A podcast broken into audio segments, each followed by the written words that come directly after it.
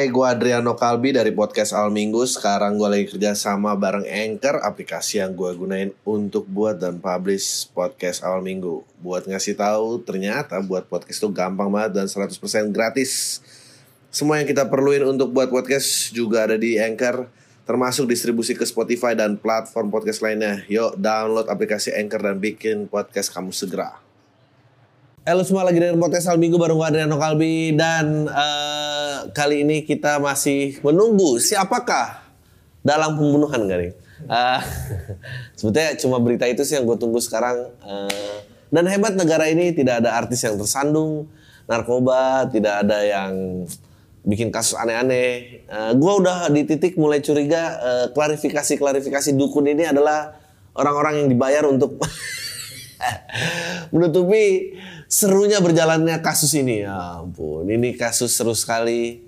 Bahkan uh, belum ketahuan uh, keputusannya aja pun sudah banyak ucapan ucapan-ucapan preemptif dari pemerintah gitu ya yang ngomong bilang bahwa lebih baik uh, apa uh, pokoknya dia intinya bilang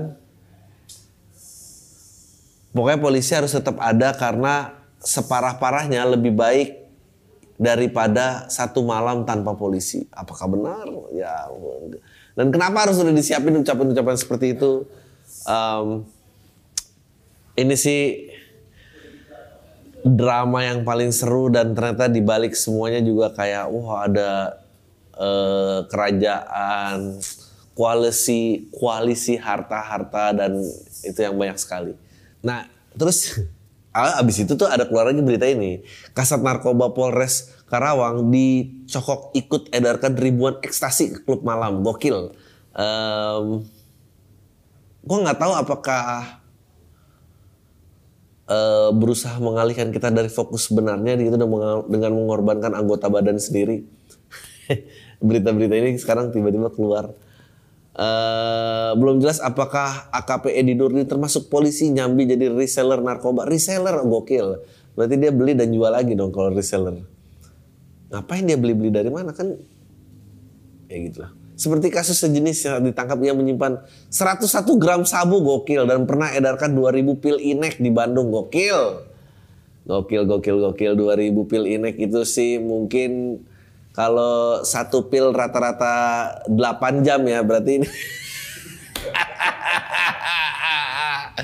Ada 16 ribu jam. Tanpa sadar 16 ribu jam tuh mungkin satu tahun full kali ya. Kalau dibagi 24 dia ada nggak tuh 365 kayaknya ada tuh lebih. Anjir. Ya ampun. Uh, di saat kasus Inspektur Jenderal Verdi Sambo sedang membuat citra Polri babak belur anggotanya dari pangkat lebih rendah kembali terjerat kasus memalukan. Kepala Satuan Unit Narkoba Polres Kerawang, Jawa Barat ditangkap Bareskrim Polri karena terlibat mengedarkan narkoba jenis ekstasi MDMA ke beberapa klub malam di kota Bandung. Gokil, gokil, gokil, gokil, gokil. Temuan ini bermula saat polisi menangkap JS dan RH, dua pengedar narkoba yang aktif memasarkan ekstasi di beberapa kota Jawa Barat pada akhir Juli 2022.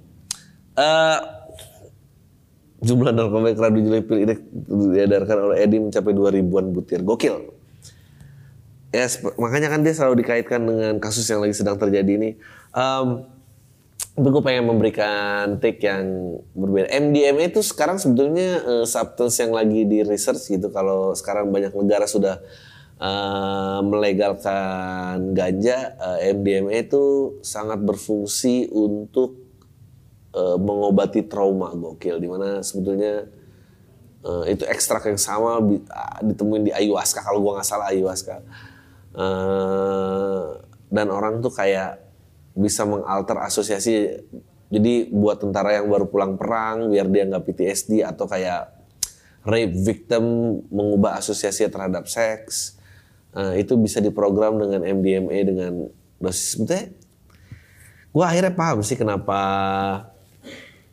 uh, logo apotik itu adalah uh, ular dan uh, cawan itu maksudnya salah dosis itu kalau nggak salah ya, artinya kalau nggak salah salah dosis bisa jadi racun tapi dosis tepat itu bisa jadi obat Sebetulnya kita harus mulai mencikapi narkoba seperti itu. Ya.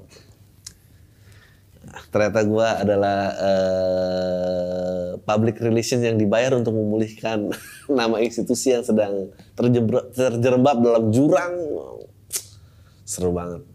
Gue nggak pernah inget sih ada kasus seseru ini gitu, apalagi, aduh, semoga lah. Jangan deh, jangan basi, please, jangan ada apa-apa dulu, jangan ada apa, aduh, yang bikin aneh sebetulnya gue udah mulai sebel sih sama klarifikasi-klarifikasi dukun ini padahal mau apa sih?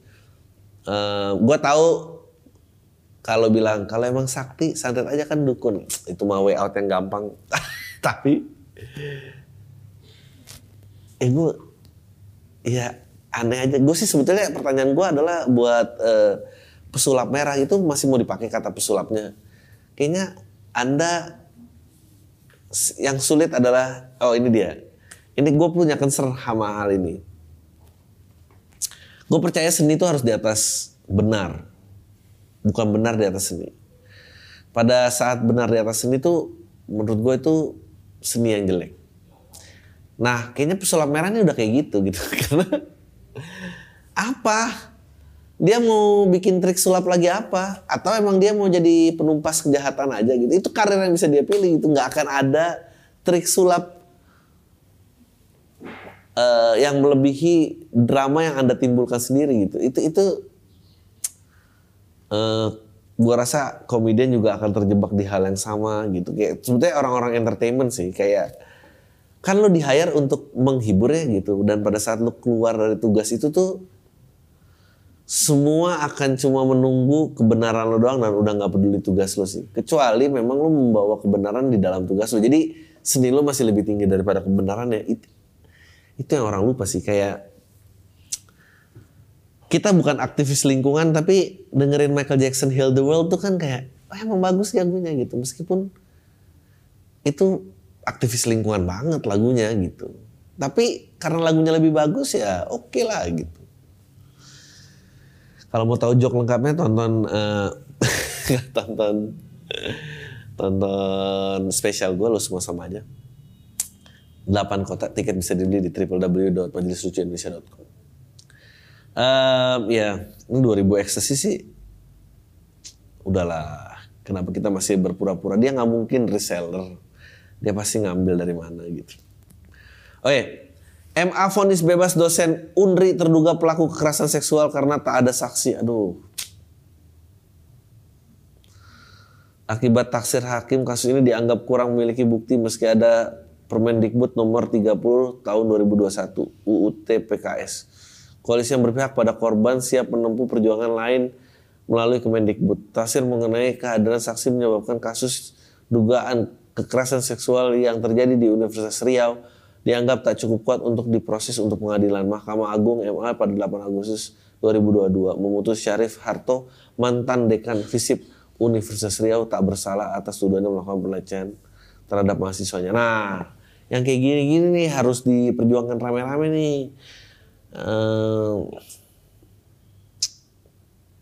menurut gua aktivis tuh emang nggak boleh sih komentar di dalam isu populer tuh nggak boleh sih karena banyak kasus-kasus yang kayak gini dan itu tugas lu sebenarnya gitu. Kalau lu komentar kasus populer tuh jangan-jangan lu tuh pengennya populer.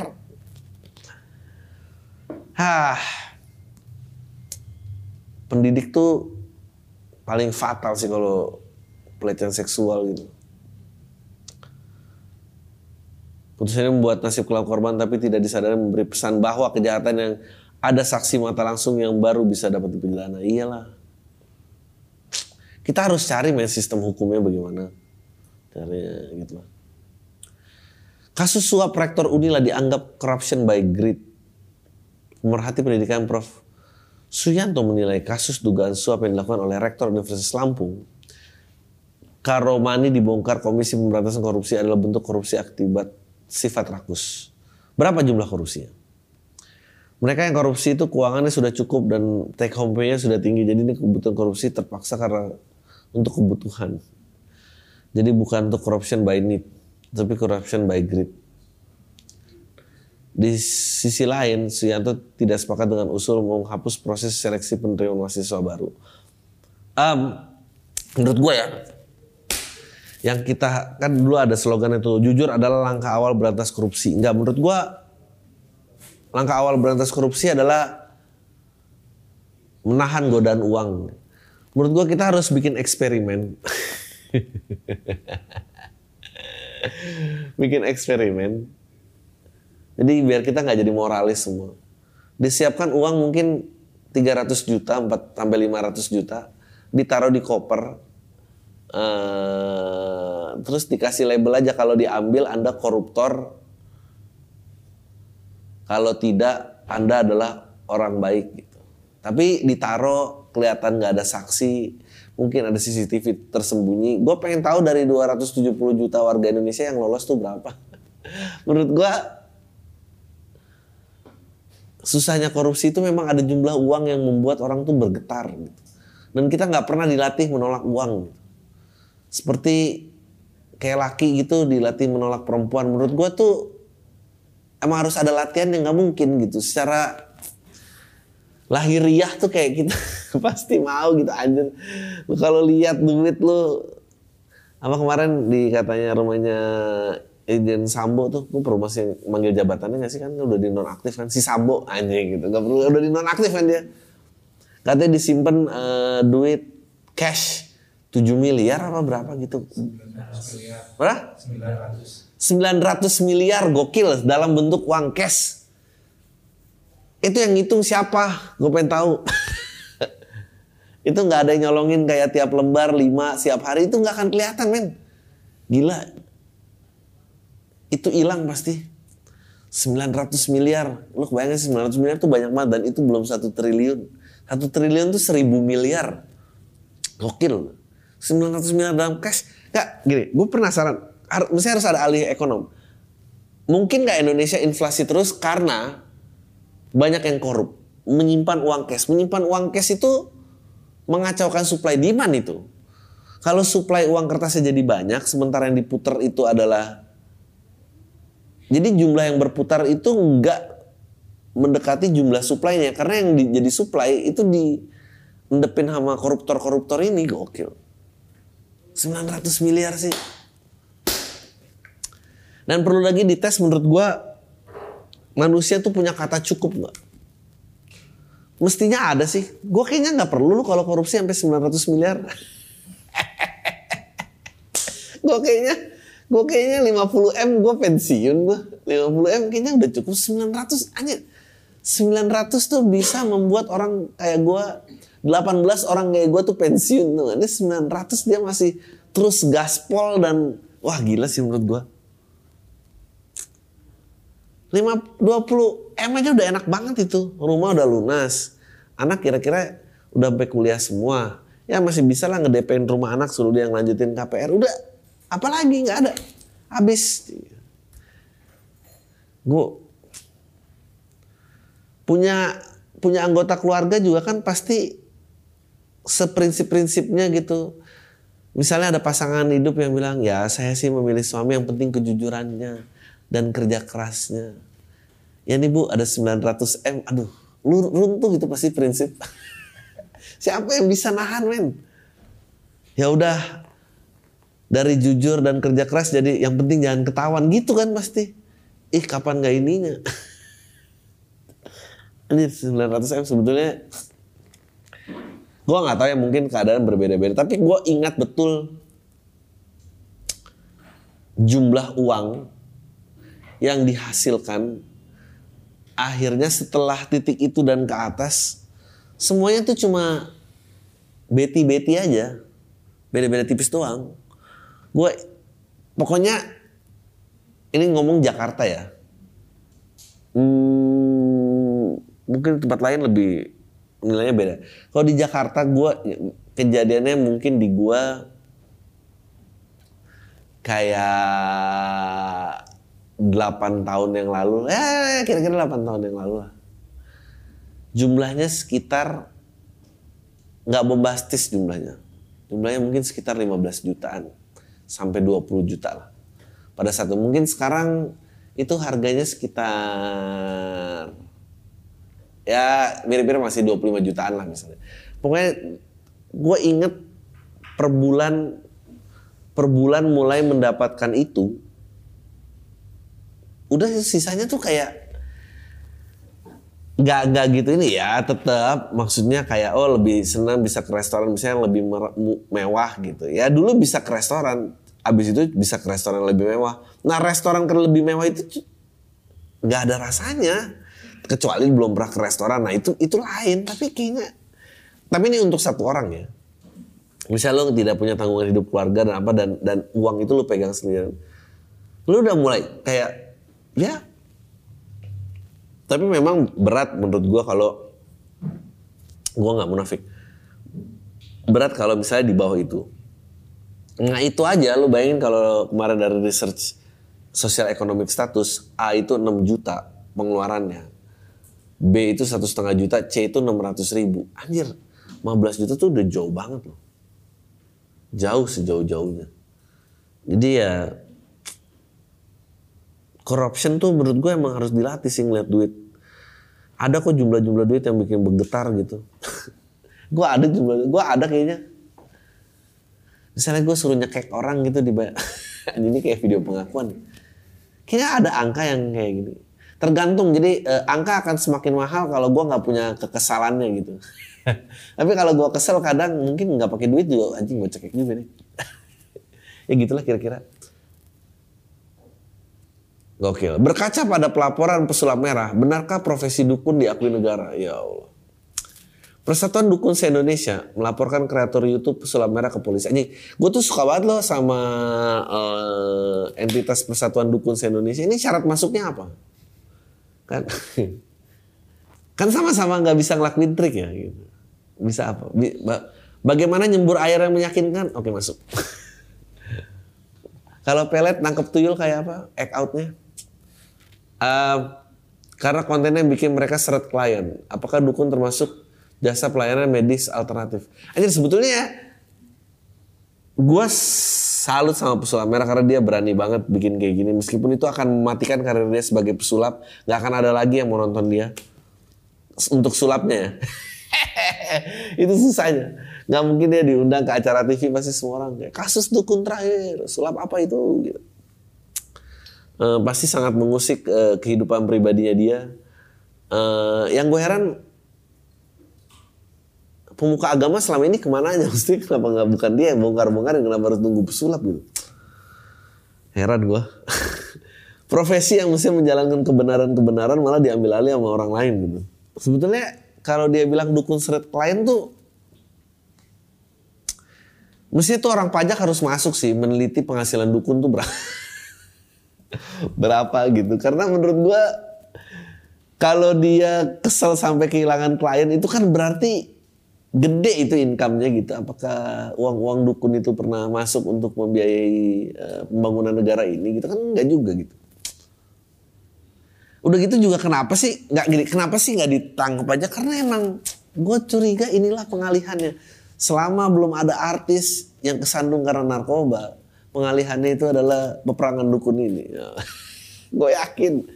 Karena sebetulnya kalau mereka mau tangkap, bisa lah tangkap. Kenapa nggak mau ditangkap? Kelompok masyarakat yang mengatasnamakan diri sebagai perwakilan Persatuan Dukun se-Indonesia.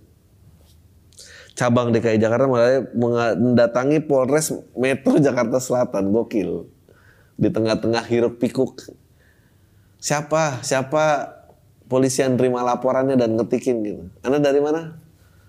PDSI Pak, apa itu? Persatuan Dukun Seluruh Indonesia. Ini serius. Iya serius Pak. Ya, keluarnya apa? Kehilangan klien. karena karena pesulap merah. Pesulap merah itu siapa? Banyak lah Pak di TikTok. Bapak udah pernah lihat belum Pak? Saya nggak main TikTok ini loh Pak. Ada handphone saya. Aduh. Proses pelaporannya kayak apa? Anjing aneh banget. Kenapa orang mau dengerin ini semua gitu? Enggak. Tapi emang gitu sih bro makanya kan dia juga udah mulai ngomong kan tiba-tiba abis itu gue ngomong kayak gini PDSI ngobongin gue lagi betul mas saya sependapat kalau emang mau bongkar-bongkar dukun kenapa harus pakai kata pesulap Iya itu bener kalau saya ngomong karena saya komedian Anda ya itu nggak boleh ngomong kayak gitu um, iya itu itu mati sih karena apa jangan-jangan Bagaimana caranya karir mena- naik tapi lu stay true to your form gitu tanpa harus membuat sensasi. Gitu. Sensasi ini kan nggak ada kaitannya dengan ilmu sulap ini ya sebetulnya kan nggak ada. Ya apa gitu. Em, atau mestinya gue tahu gua tahu konten berikutnya untuk lu merah. Konten lu berikutnya adalah lu ganti warna, bikin identitas baru lah apa sulap apa mungkin hitam mungkin biar lebih dekat ke dukun. Terus lu eh, tampilkan trik sulap yang sampai dukun-dukun pun bingung kayak anjing itu pakai ilmu apa? Gitu. Anjing itu lucu tuh pasti kayak saya dulu diajarin pelet tapi nggak bisa begini gitu kayak lucu tuh nah itu baru pesulap menurut gua ya gitulah ini tuh apa laporannya udah sampai mana men ML itu salah satu kantor yang paling sering dilaporkan ya. Dan itu gugatan-gugatannya serius ini juga kayak anjing. Gak sampai mana-mana. Oke. Guru honorer di Lombok rutin sedekahi anak yatim dari hasil jual narkoba. Bagus. Penghasilan guru tak memadai dorong pelaku banting setir jadi pengedar narkoba. Ya, plot ala serial Breaking Bad. Anjing lucu banget. Ini sering terjadi di Indonesia dengan alur tak kalah menarik betul. Memang kalau berita dari Vice eh, penulisnya itu eh, nonton Netflix ya. Jadi tahu Breaking Bad. Penghasilan bulanan tak menutup kebutuhan hidup sehari-hari seorang guru honorer. Berinisial HA, memutar otak. Tapi kan disumbangkan ya bagusnya. Tujuannya tercapai setelah enam bulan pindah kerjaan gajinya naik drastis sampai akhirnya dia ditangkap polisi pada 2 Agustus. Hasilnya sangat menggiurkan jadi dia per bulan itu ada 36 jutaan gokil karena mendapatkan barang ini seminggu dua kali. Um, ya kan 36 juta dia mau sumbangin karena gue udah bilang kan 15 20 juta dia udah mulai nggak ada bedanya. Gue kan pernah ada nanya apa ya hukumnya bersedekah beramal dari uang yang lo tahu didapatkan dari proses haram gitu. Sebetulnya gue pernah sih ngelakuin. gue pernah dikasih duit. Cuma gue curiga nih duit ini kayaknya dari hasil yang enggak-enggak gitu. Dari hasil yang enggak-enggak lalu gue sedekahin aja. Gak apa-apa lah menurut gue gak apa-apa. Kayaknya bermanfaat buat orang lain. Kan orang lain gak tahu itu dari mana. Daripada terus duitnya mau diapain kalau udah haram. Duitnya buat apa? Ya buat sedekah aja masih buat makan orang. Apa itu jadi nyebar-nyebar dosa? Ya enggak juga lah. Jangan apa-apalah. Semoga eh ini guru honorer ini ya. a- kalau emang benar dia eh, menyedekahi anak-anak yatim, ini anak-anak yatim mestinya berkumpul dan demo di depan kepolisian setempat bahwa eh lu hidup karena menerima jasa dari guru honorer ini. Jangan tangkap guru kami kami hidup karena dia jual sabu. Pakai papan-papan gitu aja lucu banget. Biar tahu gitu. Oke, let's go to the question. eh wah, gue dapet email hari ini sebetulnya unik-unik sih. Gue mau membacakan. Jadi ceritanya, emang. Jadi ceritanya, gue lupa di episode berapa. Gue pernah dapet email dari orang yang pekerjaan sampingannya itu adalah editor foto bugil, gokil. Jadi foto orang biasa diedit seolah-olah orang itu bugil. Eh, untuk mendapatkan eh, uang tambahan gitu. Dan dia gimana lagi, ternyata dia udah pensiun. Editor foto bugil gantung sepatu, gue Gantung sepatu tuh istilah pensiun untuk pemain bola tahu. Editor foto bugil gantung mouse, nah itu bener. Eh, halo Bang Adri, gue pendengar setia lo yang beberapa bulan lalu sempat curhat jadi editor foto bugil di medsos. Mudah cari pemasukan tambahan, mudah-mudahan lo masih ingat. Ingat gue, kalau yang aneh gini gue ingat lo. Sekitar dua bulan lalu Juni akhirnya gue melalui banyak pertimbangan, akhirnya gue memutuskan untuk berhenti dari kerjaan durjana ini. Firasat gue mengatakan kalau keadaan itu bisa makin bahaya. Soalnya udah mulai ada tuh akun-akun kayak SJW-SJW yang berapa kali request follow ke akun yang dulu gue pakai kerja gokil. Akun-akun SJ follow apa sih akunnya? Kasih gue ngomong. Bau-baunya mau di report massal gokil. Ya udah deh sebelum resiko makin gede akun jasa edit yang gue followers itu udah 32 ribu lebih. Akhirnya gue delete permanen. Gue nggak akan bikin akun baru juga. Dan gak ada rencana buat itu pensiun total Eh, gue Adriano Kalbi dari podcast Al Minggu. Sekarang gue lagi kerja sama bareng Anchor, aplikasi yang gue gunain untuk buat dan publish podcast Al Minggu. Buat ngasih tahu, ternyata buat podcast itu gampang banget dan 100% gratis. Semua yang kita perluin untuk buat podcast juga ada di Anchor, termasuk distribusi ke Spotify dan platform podcast lainnya. Yuk, download aplikasi Anchor dan bikin podcast kamu segera. Tapi yang namanya rezeki mungkin emang gak akan ke mana-mana ya bang. Jadi pas banget baru bulan lalu hampir sebulan setelah berhenti ngedit. Gue dapet promosi jabatan di kantor tempat gue kerja puji Tuhan. Gaji gue sekarang malah bisa tembus double digit cuma dari satu kerjaan aja. Jujur gue gak nyangka banget. Gokil. Um, gue mau email lagi coba kirimin contoh. Dia bahkan ngirimin contohnya loh ke gue. Rasanya hidup jadi lebih lega. Sekarang jam tidur gue juga makin bener. Badan makin sehat karena makin rutin olahraga. Tabungan buat masa depan adik-adik gue juga makin kekumpul. Ih, dari uang edit bokep. Ah, lo kalau ngedit gini, jadi nonton mengkonsumsi bokep tuh karangan sendiri apa masih ngambil dari yang udah? Kalau konsisten dimasukin reksadana pendapatan tetap kayaknya bisa lah 1-2 tahun kekumpul sesuai target. Dengan kondisi sekarang gue juga berencana mulai invest lebih banyak waktu untuk persiapan belajar gokil. Target gue 2-3 tahun lagi mau apply beasiswa S2 doain lancar bang. Oh gokil. Kalau lu keterima beasiswa S2 lu keluarin buku. Dari editor foto bugil terima beasiswa S2. gue sebenarnya cuma mau ngucapin terima kasih aja. Gue selalu ingat saran lu kalau ada kalanya harus tahu kapan waktunya berhenti dan untunglah gue bisa berhenti dengan selamat. Emang gue pernah ngomong itu? Sebagai persembahan gue kasih editan terakhir ya bang buat lo. sekedar buat bukti aja biar lu percaya kalau cerita gue bukan dongeng. Gue sensor mukanya biar nggak kena cepu. Gue nggak tahu ini siapa. Um, anyway gue udah beli tiket lu semua sama aja di salah satu kota bang tapi gue nggak mau sebut di sini nama mananya takut ditandain excited banget gue bang. Pertama kali gue nonton stand up live setelah sejak pandemi semua lancar acaranya ya bang sampai ketemu dan sehat selalu. Anjing kasih tahu gue dong lu di kota apa? Masa gue mau tiap kota? Di sini ada yang editor foto bugil. Masa gue gitu mulu? Ada. Good luck. Menurut gue whatever it takes to survive menurut gue kalau udah urusannya hidup dan mati um, ya lakuin aja apa yang buat survive nanti pada saat fondasi udah bagus ya pindahlah gitu. Mungkin si guru honorer tadi yang jualan sabu juga mungkin itu pijakan aja untuk modal bisa aja. Lo nggak pernah tahu. Ragu nikah sama anak mami, ya udah gak usah nikah aja.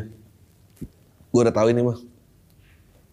Halo bang, jangan sebut nama email gue ya. Sebelumnya makasih kalau ini dibacain. Semoga lu dan keluarga sehat selalu lancar rezeki. Gue cewek 25 tahun, gue udah ada rencana tunangan terus nikah sama cowok yang udah gue pacarin beberapa tahun cowok gue itu baik banget bang, nggak pernah abusif, pintar nyari duit, bertanggung jawab, ganteng, tapi dia anak mami. Kalau kata orang sih, he's 10 out of 10, tapi anak mami aja. Apa-apa yang dia pengen lakuin, ngomongin ke nyokapnya dulu. Keputusan hidup dia bahkan hal-hal sederhana harus persetujuan nyokapnya dulu. Dan gue liatnya kok malah ketergantungan sama nyokapnya. Gue udah bilang, orang keren tuh yang gak deket sama orang tuanya. Contohnya kayak dia pengen makan apa, pengen pakai baju apa, masa harus ngomong ke nyokapnya dulu like what the fuck. Padahal kan dia udah dewasa dan nyokapnya dia tipe orang yang mendominasi ya, punya omongannya harus dijalani sama anaknya. Gak relate sama kehidupan gue bang.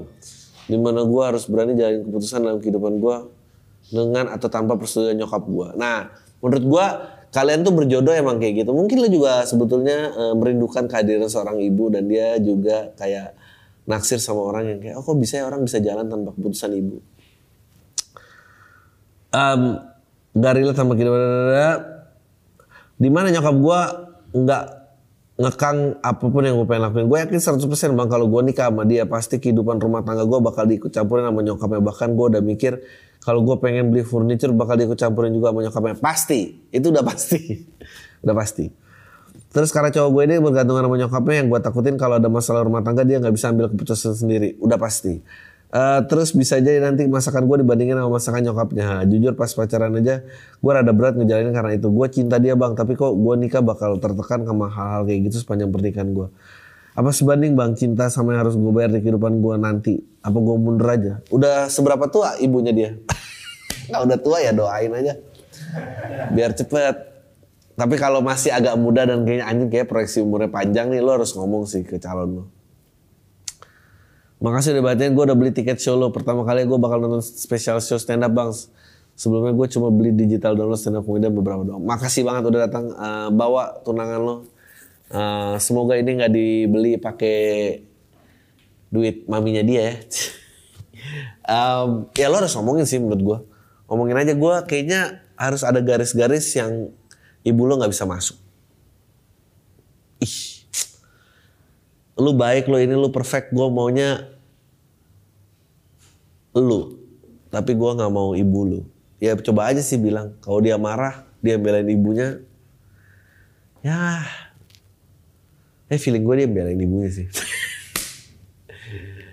Tapi lo harus ngomong lo harus ngomong. Tapi kalau udah tua ya mungkin bisa lah nggak diomongin. Tungguin aja kayak doa yang rajin di ngepel jangan kering-kering gitu biar aja agak basah dikit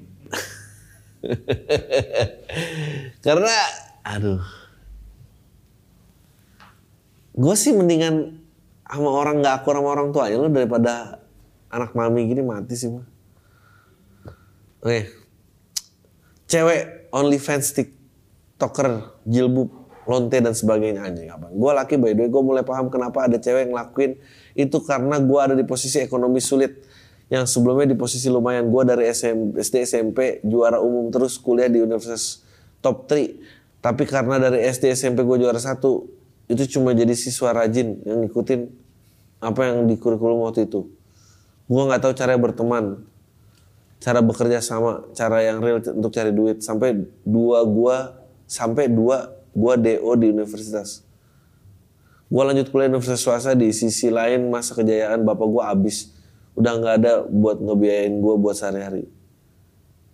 Poinnya adalah gue mulai paham kenapa cewek ada yang laku itu bahkan yang berjilbab pun nggak ada yang bisa gue jual buat cari duit. Kalau tubuh gue laku buat jadi di atas kondisi saat ini, gue udah bakal lakuin. Sayangnya gue nggak sadar, gue nggak tahu bakal laku. ya emang sih. Um, uang tuh bukan segala-galanya, tapi um, uang tuh bisa membuat lo menjual segalanya sih. Uh, itu sih yang bahaya.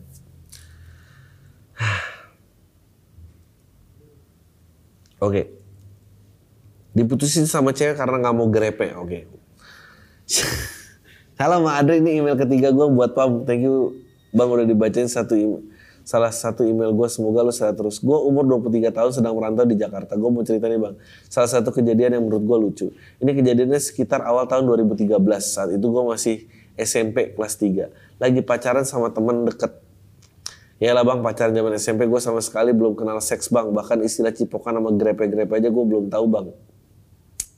Sampai akhirnya ada satu kejadian gue mergokin temen gue ini cipokan sama pacarnya bang. Kejadiannya itu di mobil Avanza mereka duduk di kursi paling belakang gue isengin temen gue yang duduk di kursi belakang ini terus gue nengok ke belakang terus gue kagetin door gue juga ikut kaget bang ternyata mereka lagi cipokan tangan cowoknya lagi grepe gitu. Mereka jadi kelabakan tuh bibir sama tangan keciplak keciplak gue jadinya satu mobil pada tahu kalau mereka habis cipokan di belakang. Termasuk pacar gue saat itu diduduk di sebelah gue di kursi tengah Nah karena kejadian itu beberapa minggu kemudian cewek gue suka mulai manja gitu bang. Suka nempelin kepala di pundak. Terus lagi ngumpul di rumah temen gue Pas gue lagi duduk di sofa dia suka tiduran bang. Di paha gue Atau suruh gue tiduran di paha dia. Teman-teman gue juga ngeliatnya aneh bang Karena tumbenan aja. Akhirnya temen gue yang pergokin cuman itu bisikin ke gue Kalau cewek kayak gitu akhir Artinya minta disayang ya Allah. Bisa lu cium maghrib ya Allah Ya ampun bang, gue masih polos dan gak tahu harus mulai kayak gimana. Sampai minta tutor bang, ya ampun. Sampai dia caranya mulainya gimana dan rumah temen gue ini suka kosong karena orang tua dan kakaknya kerja di toko dan gak ada pembantu di rumah. Makanya rumah ini suka jadi base camp, tempat cipukan ramai garing. Tempat kita ngumpul.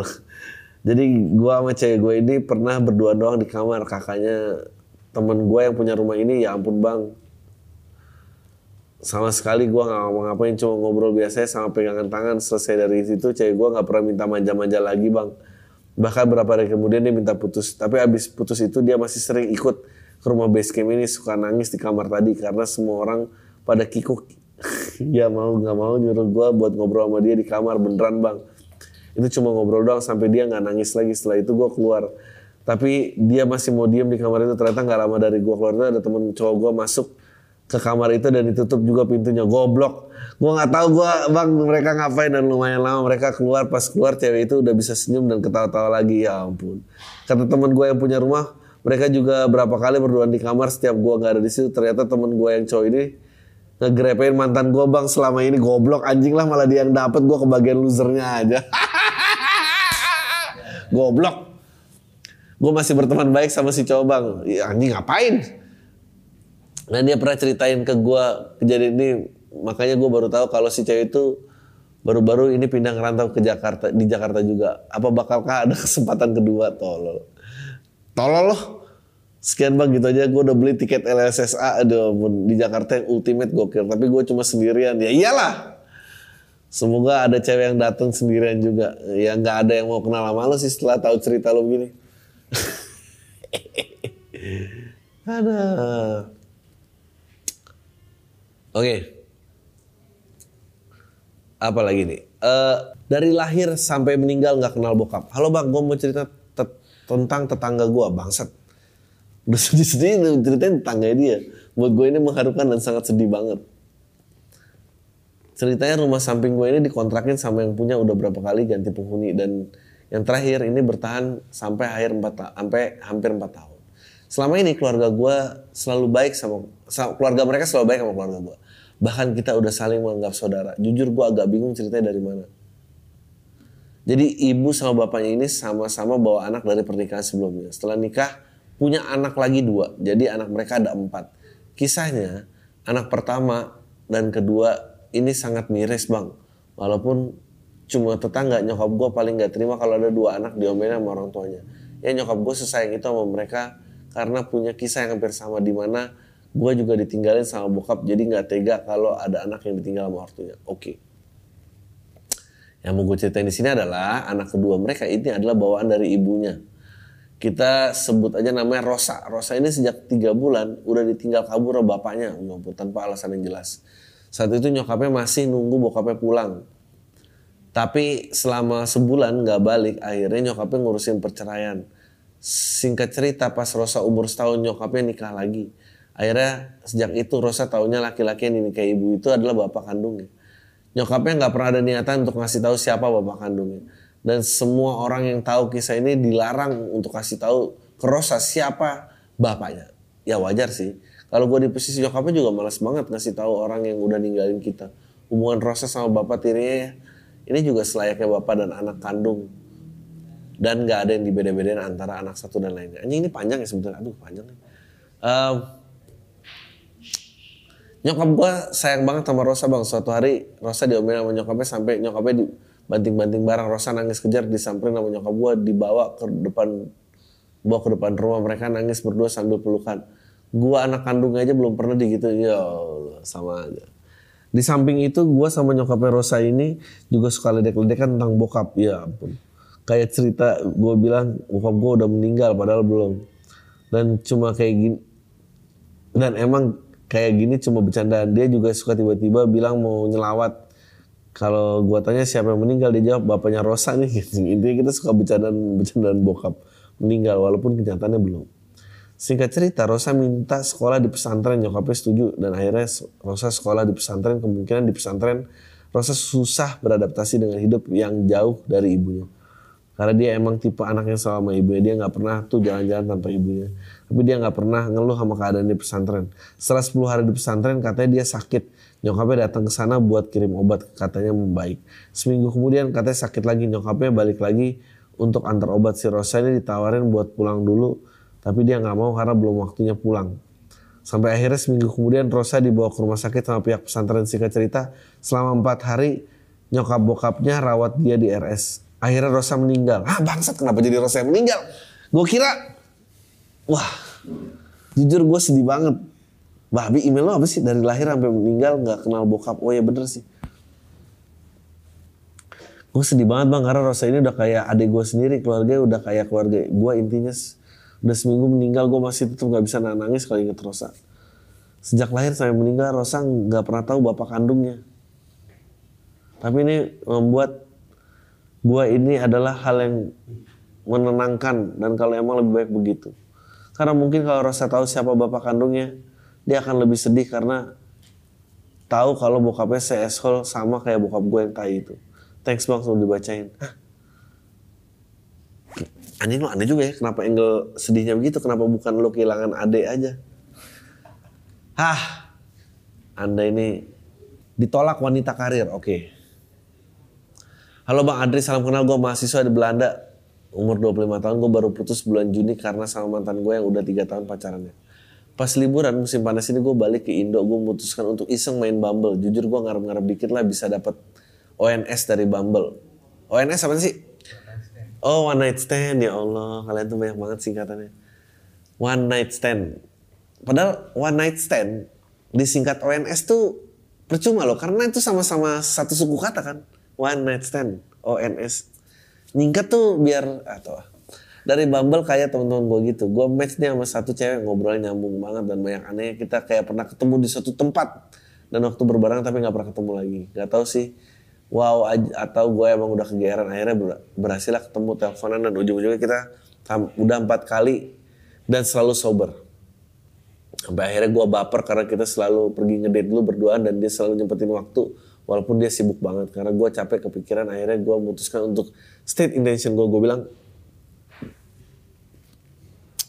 gue suka sama lo dan gue pengen kenal lo lebih dalam lagi gue willing to work it out with time eh dia shock dong dan tak bergeming terus dia bilang ada alasan kenapa dia selama ini single. Intinya dia pengen ngejar cita-citanya di mana kerjaan dia itu di konsultan top, ditinggallah buat jadi PNS.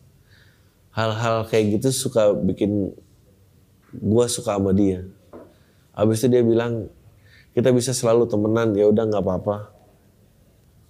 Dan bilang gue nggak nembak lu cuma pengen clear things out aja supaya gue tahu ekspektasi gue harus gimana.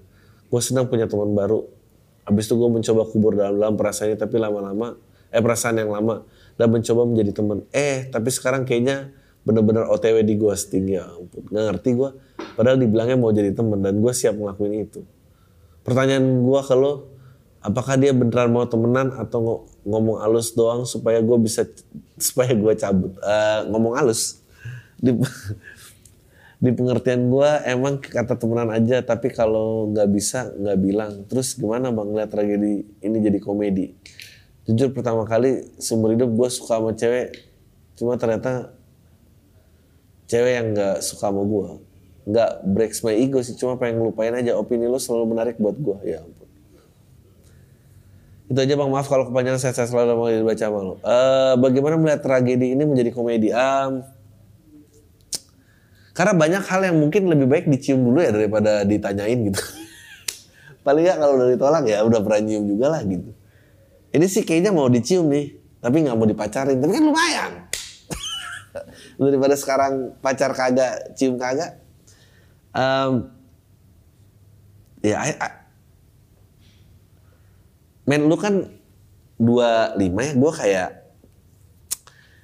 dating scene anjing lo sama gue tuh beda 13 tahun dan gue nggak ngerti dating scene dengan main Bumble dan segala macam sih itu yang gue gua bingung gitu.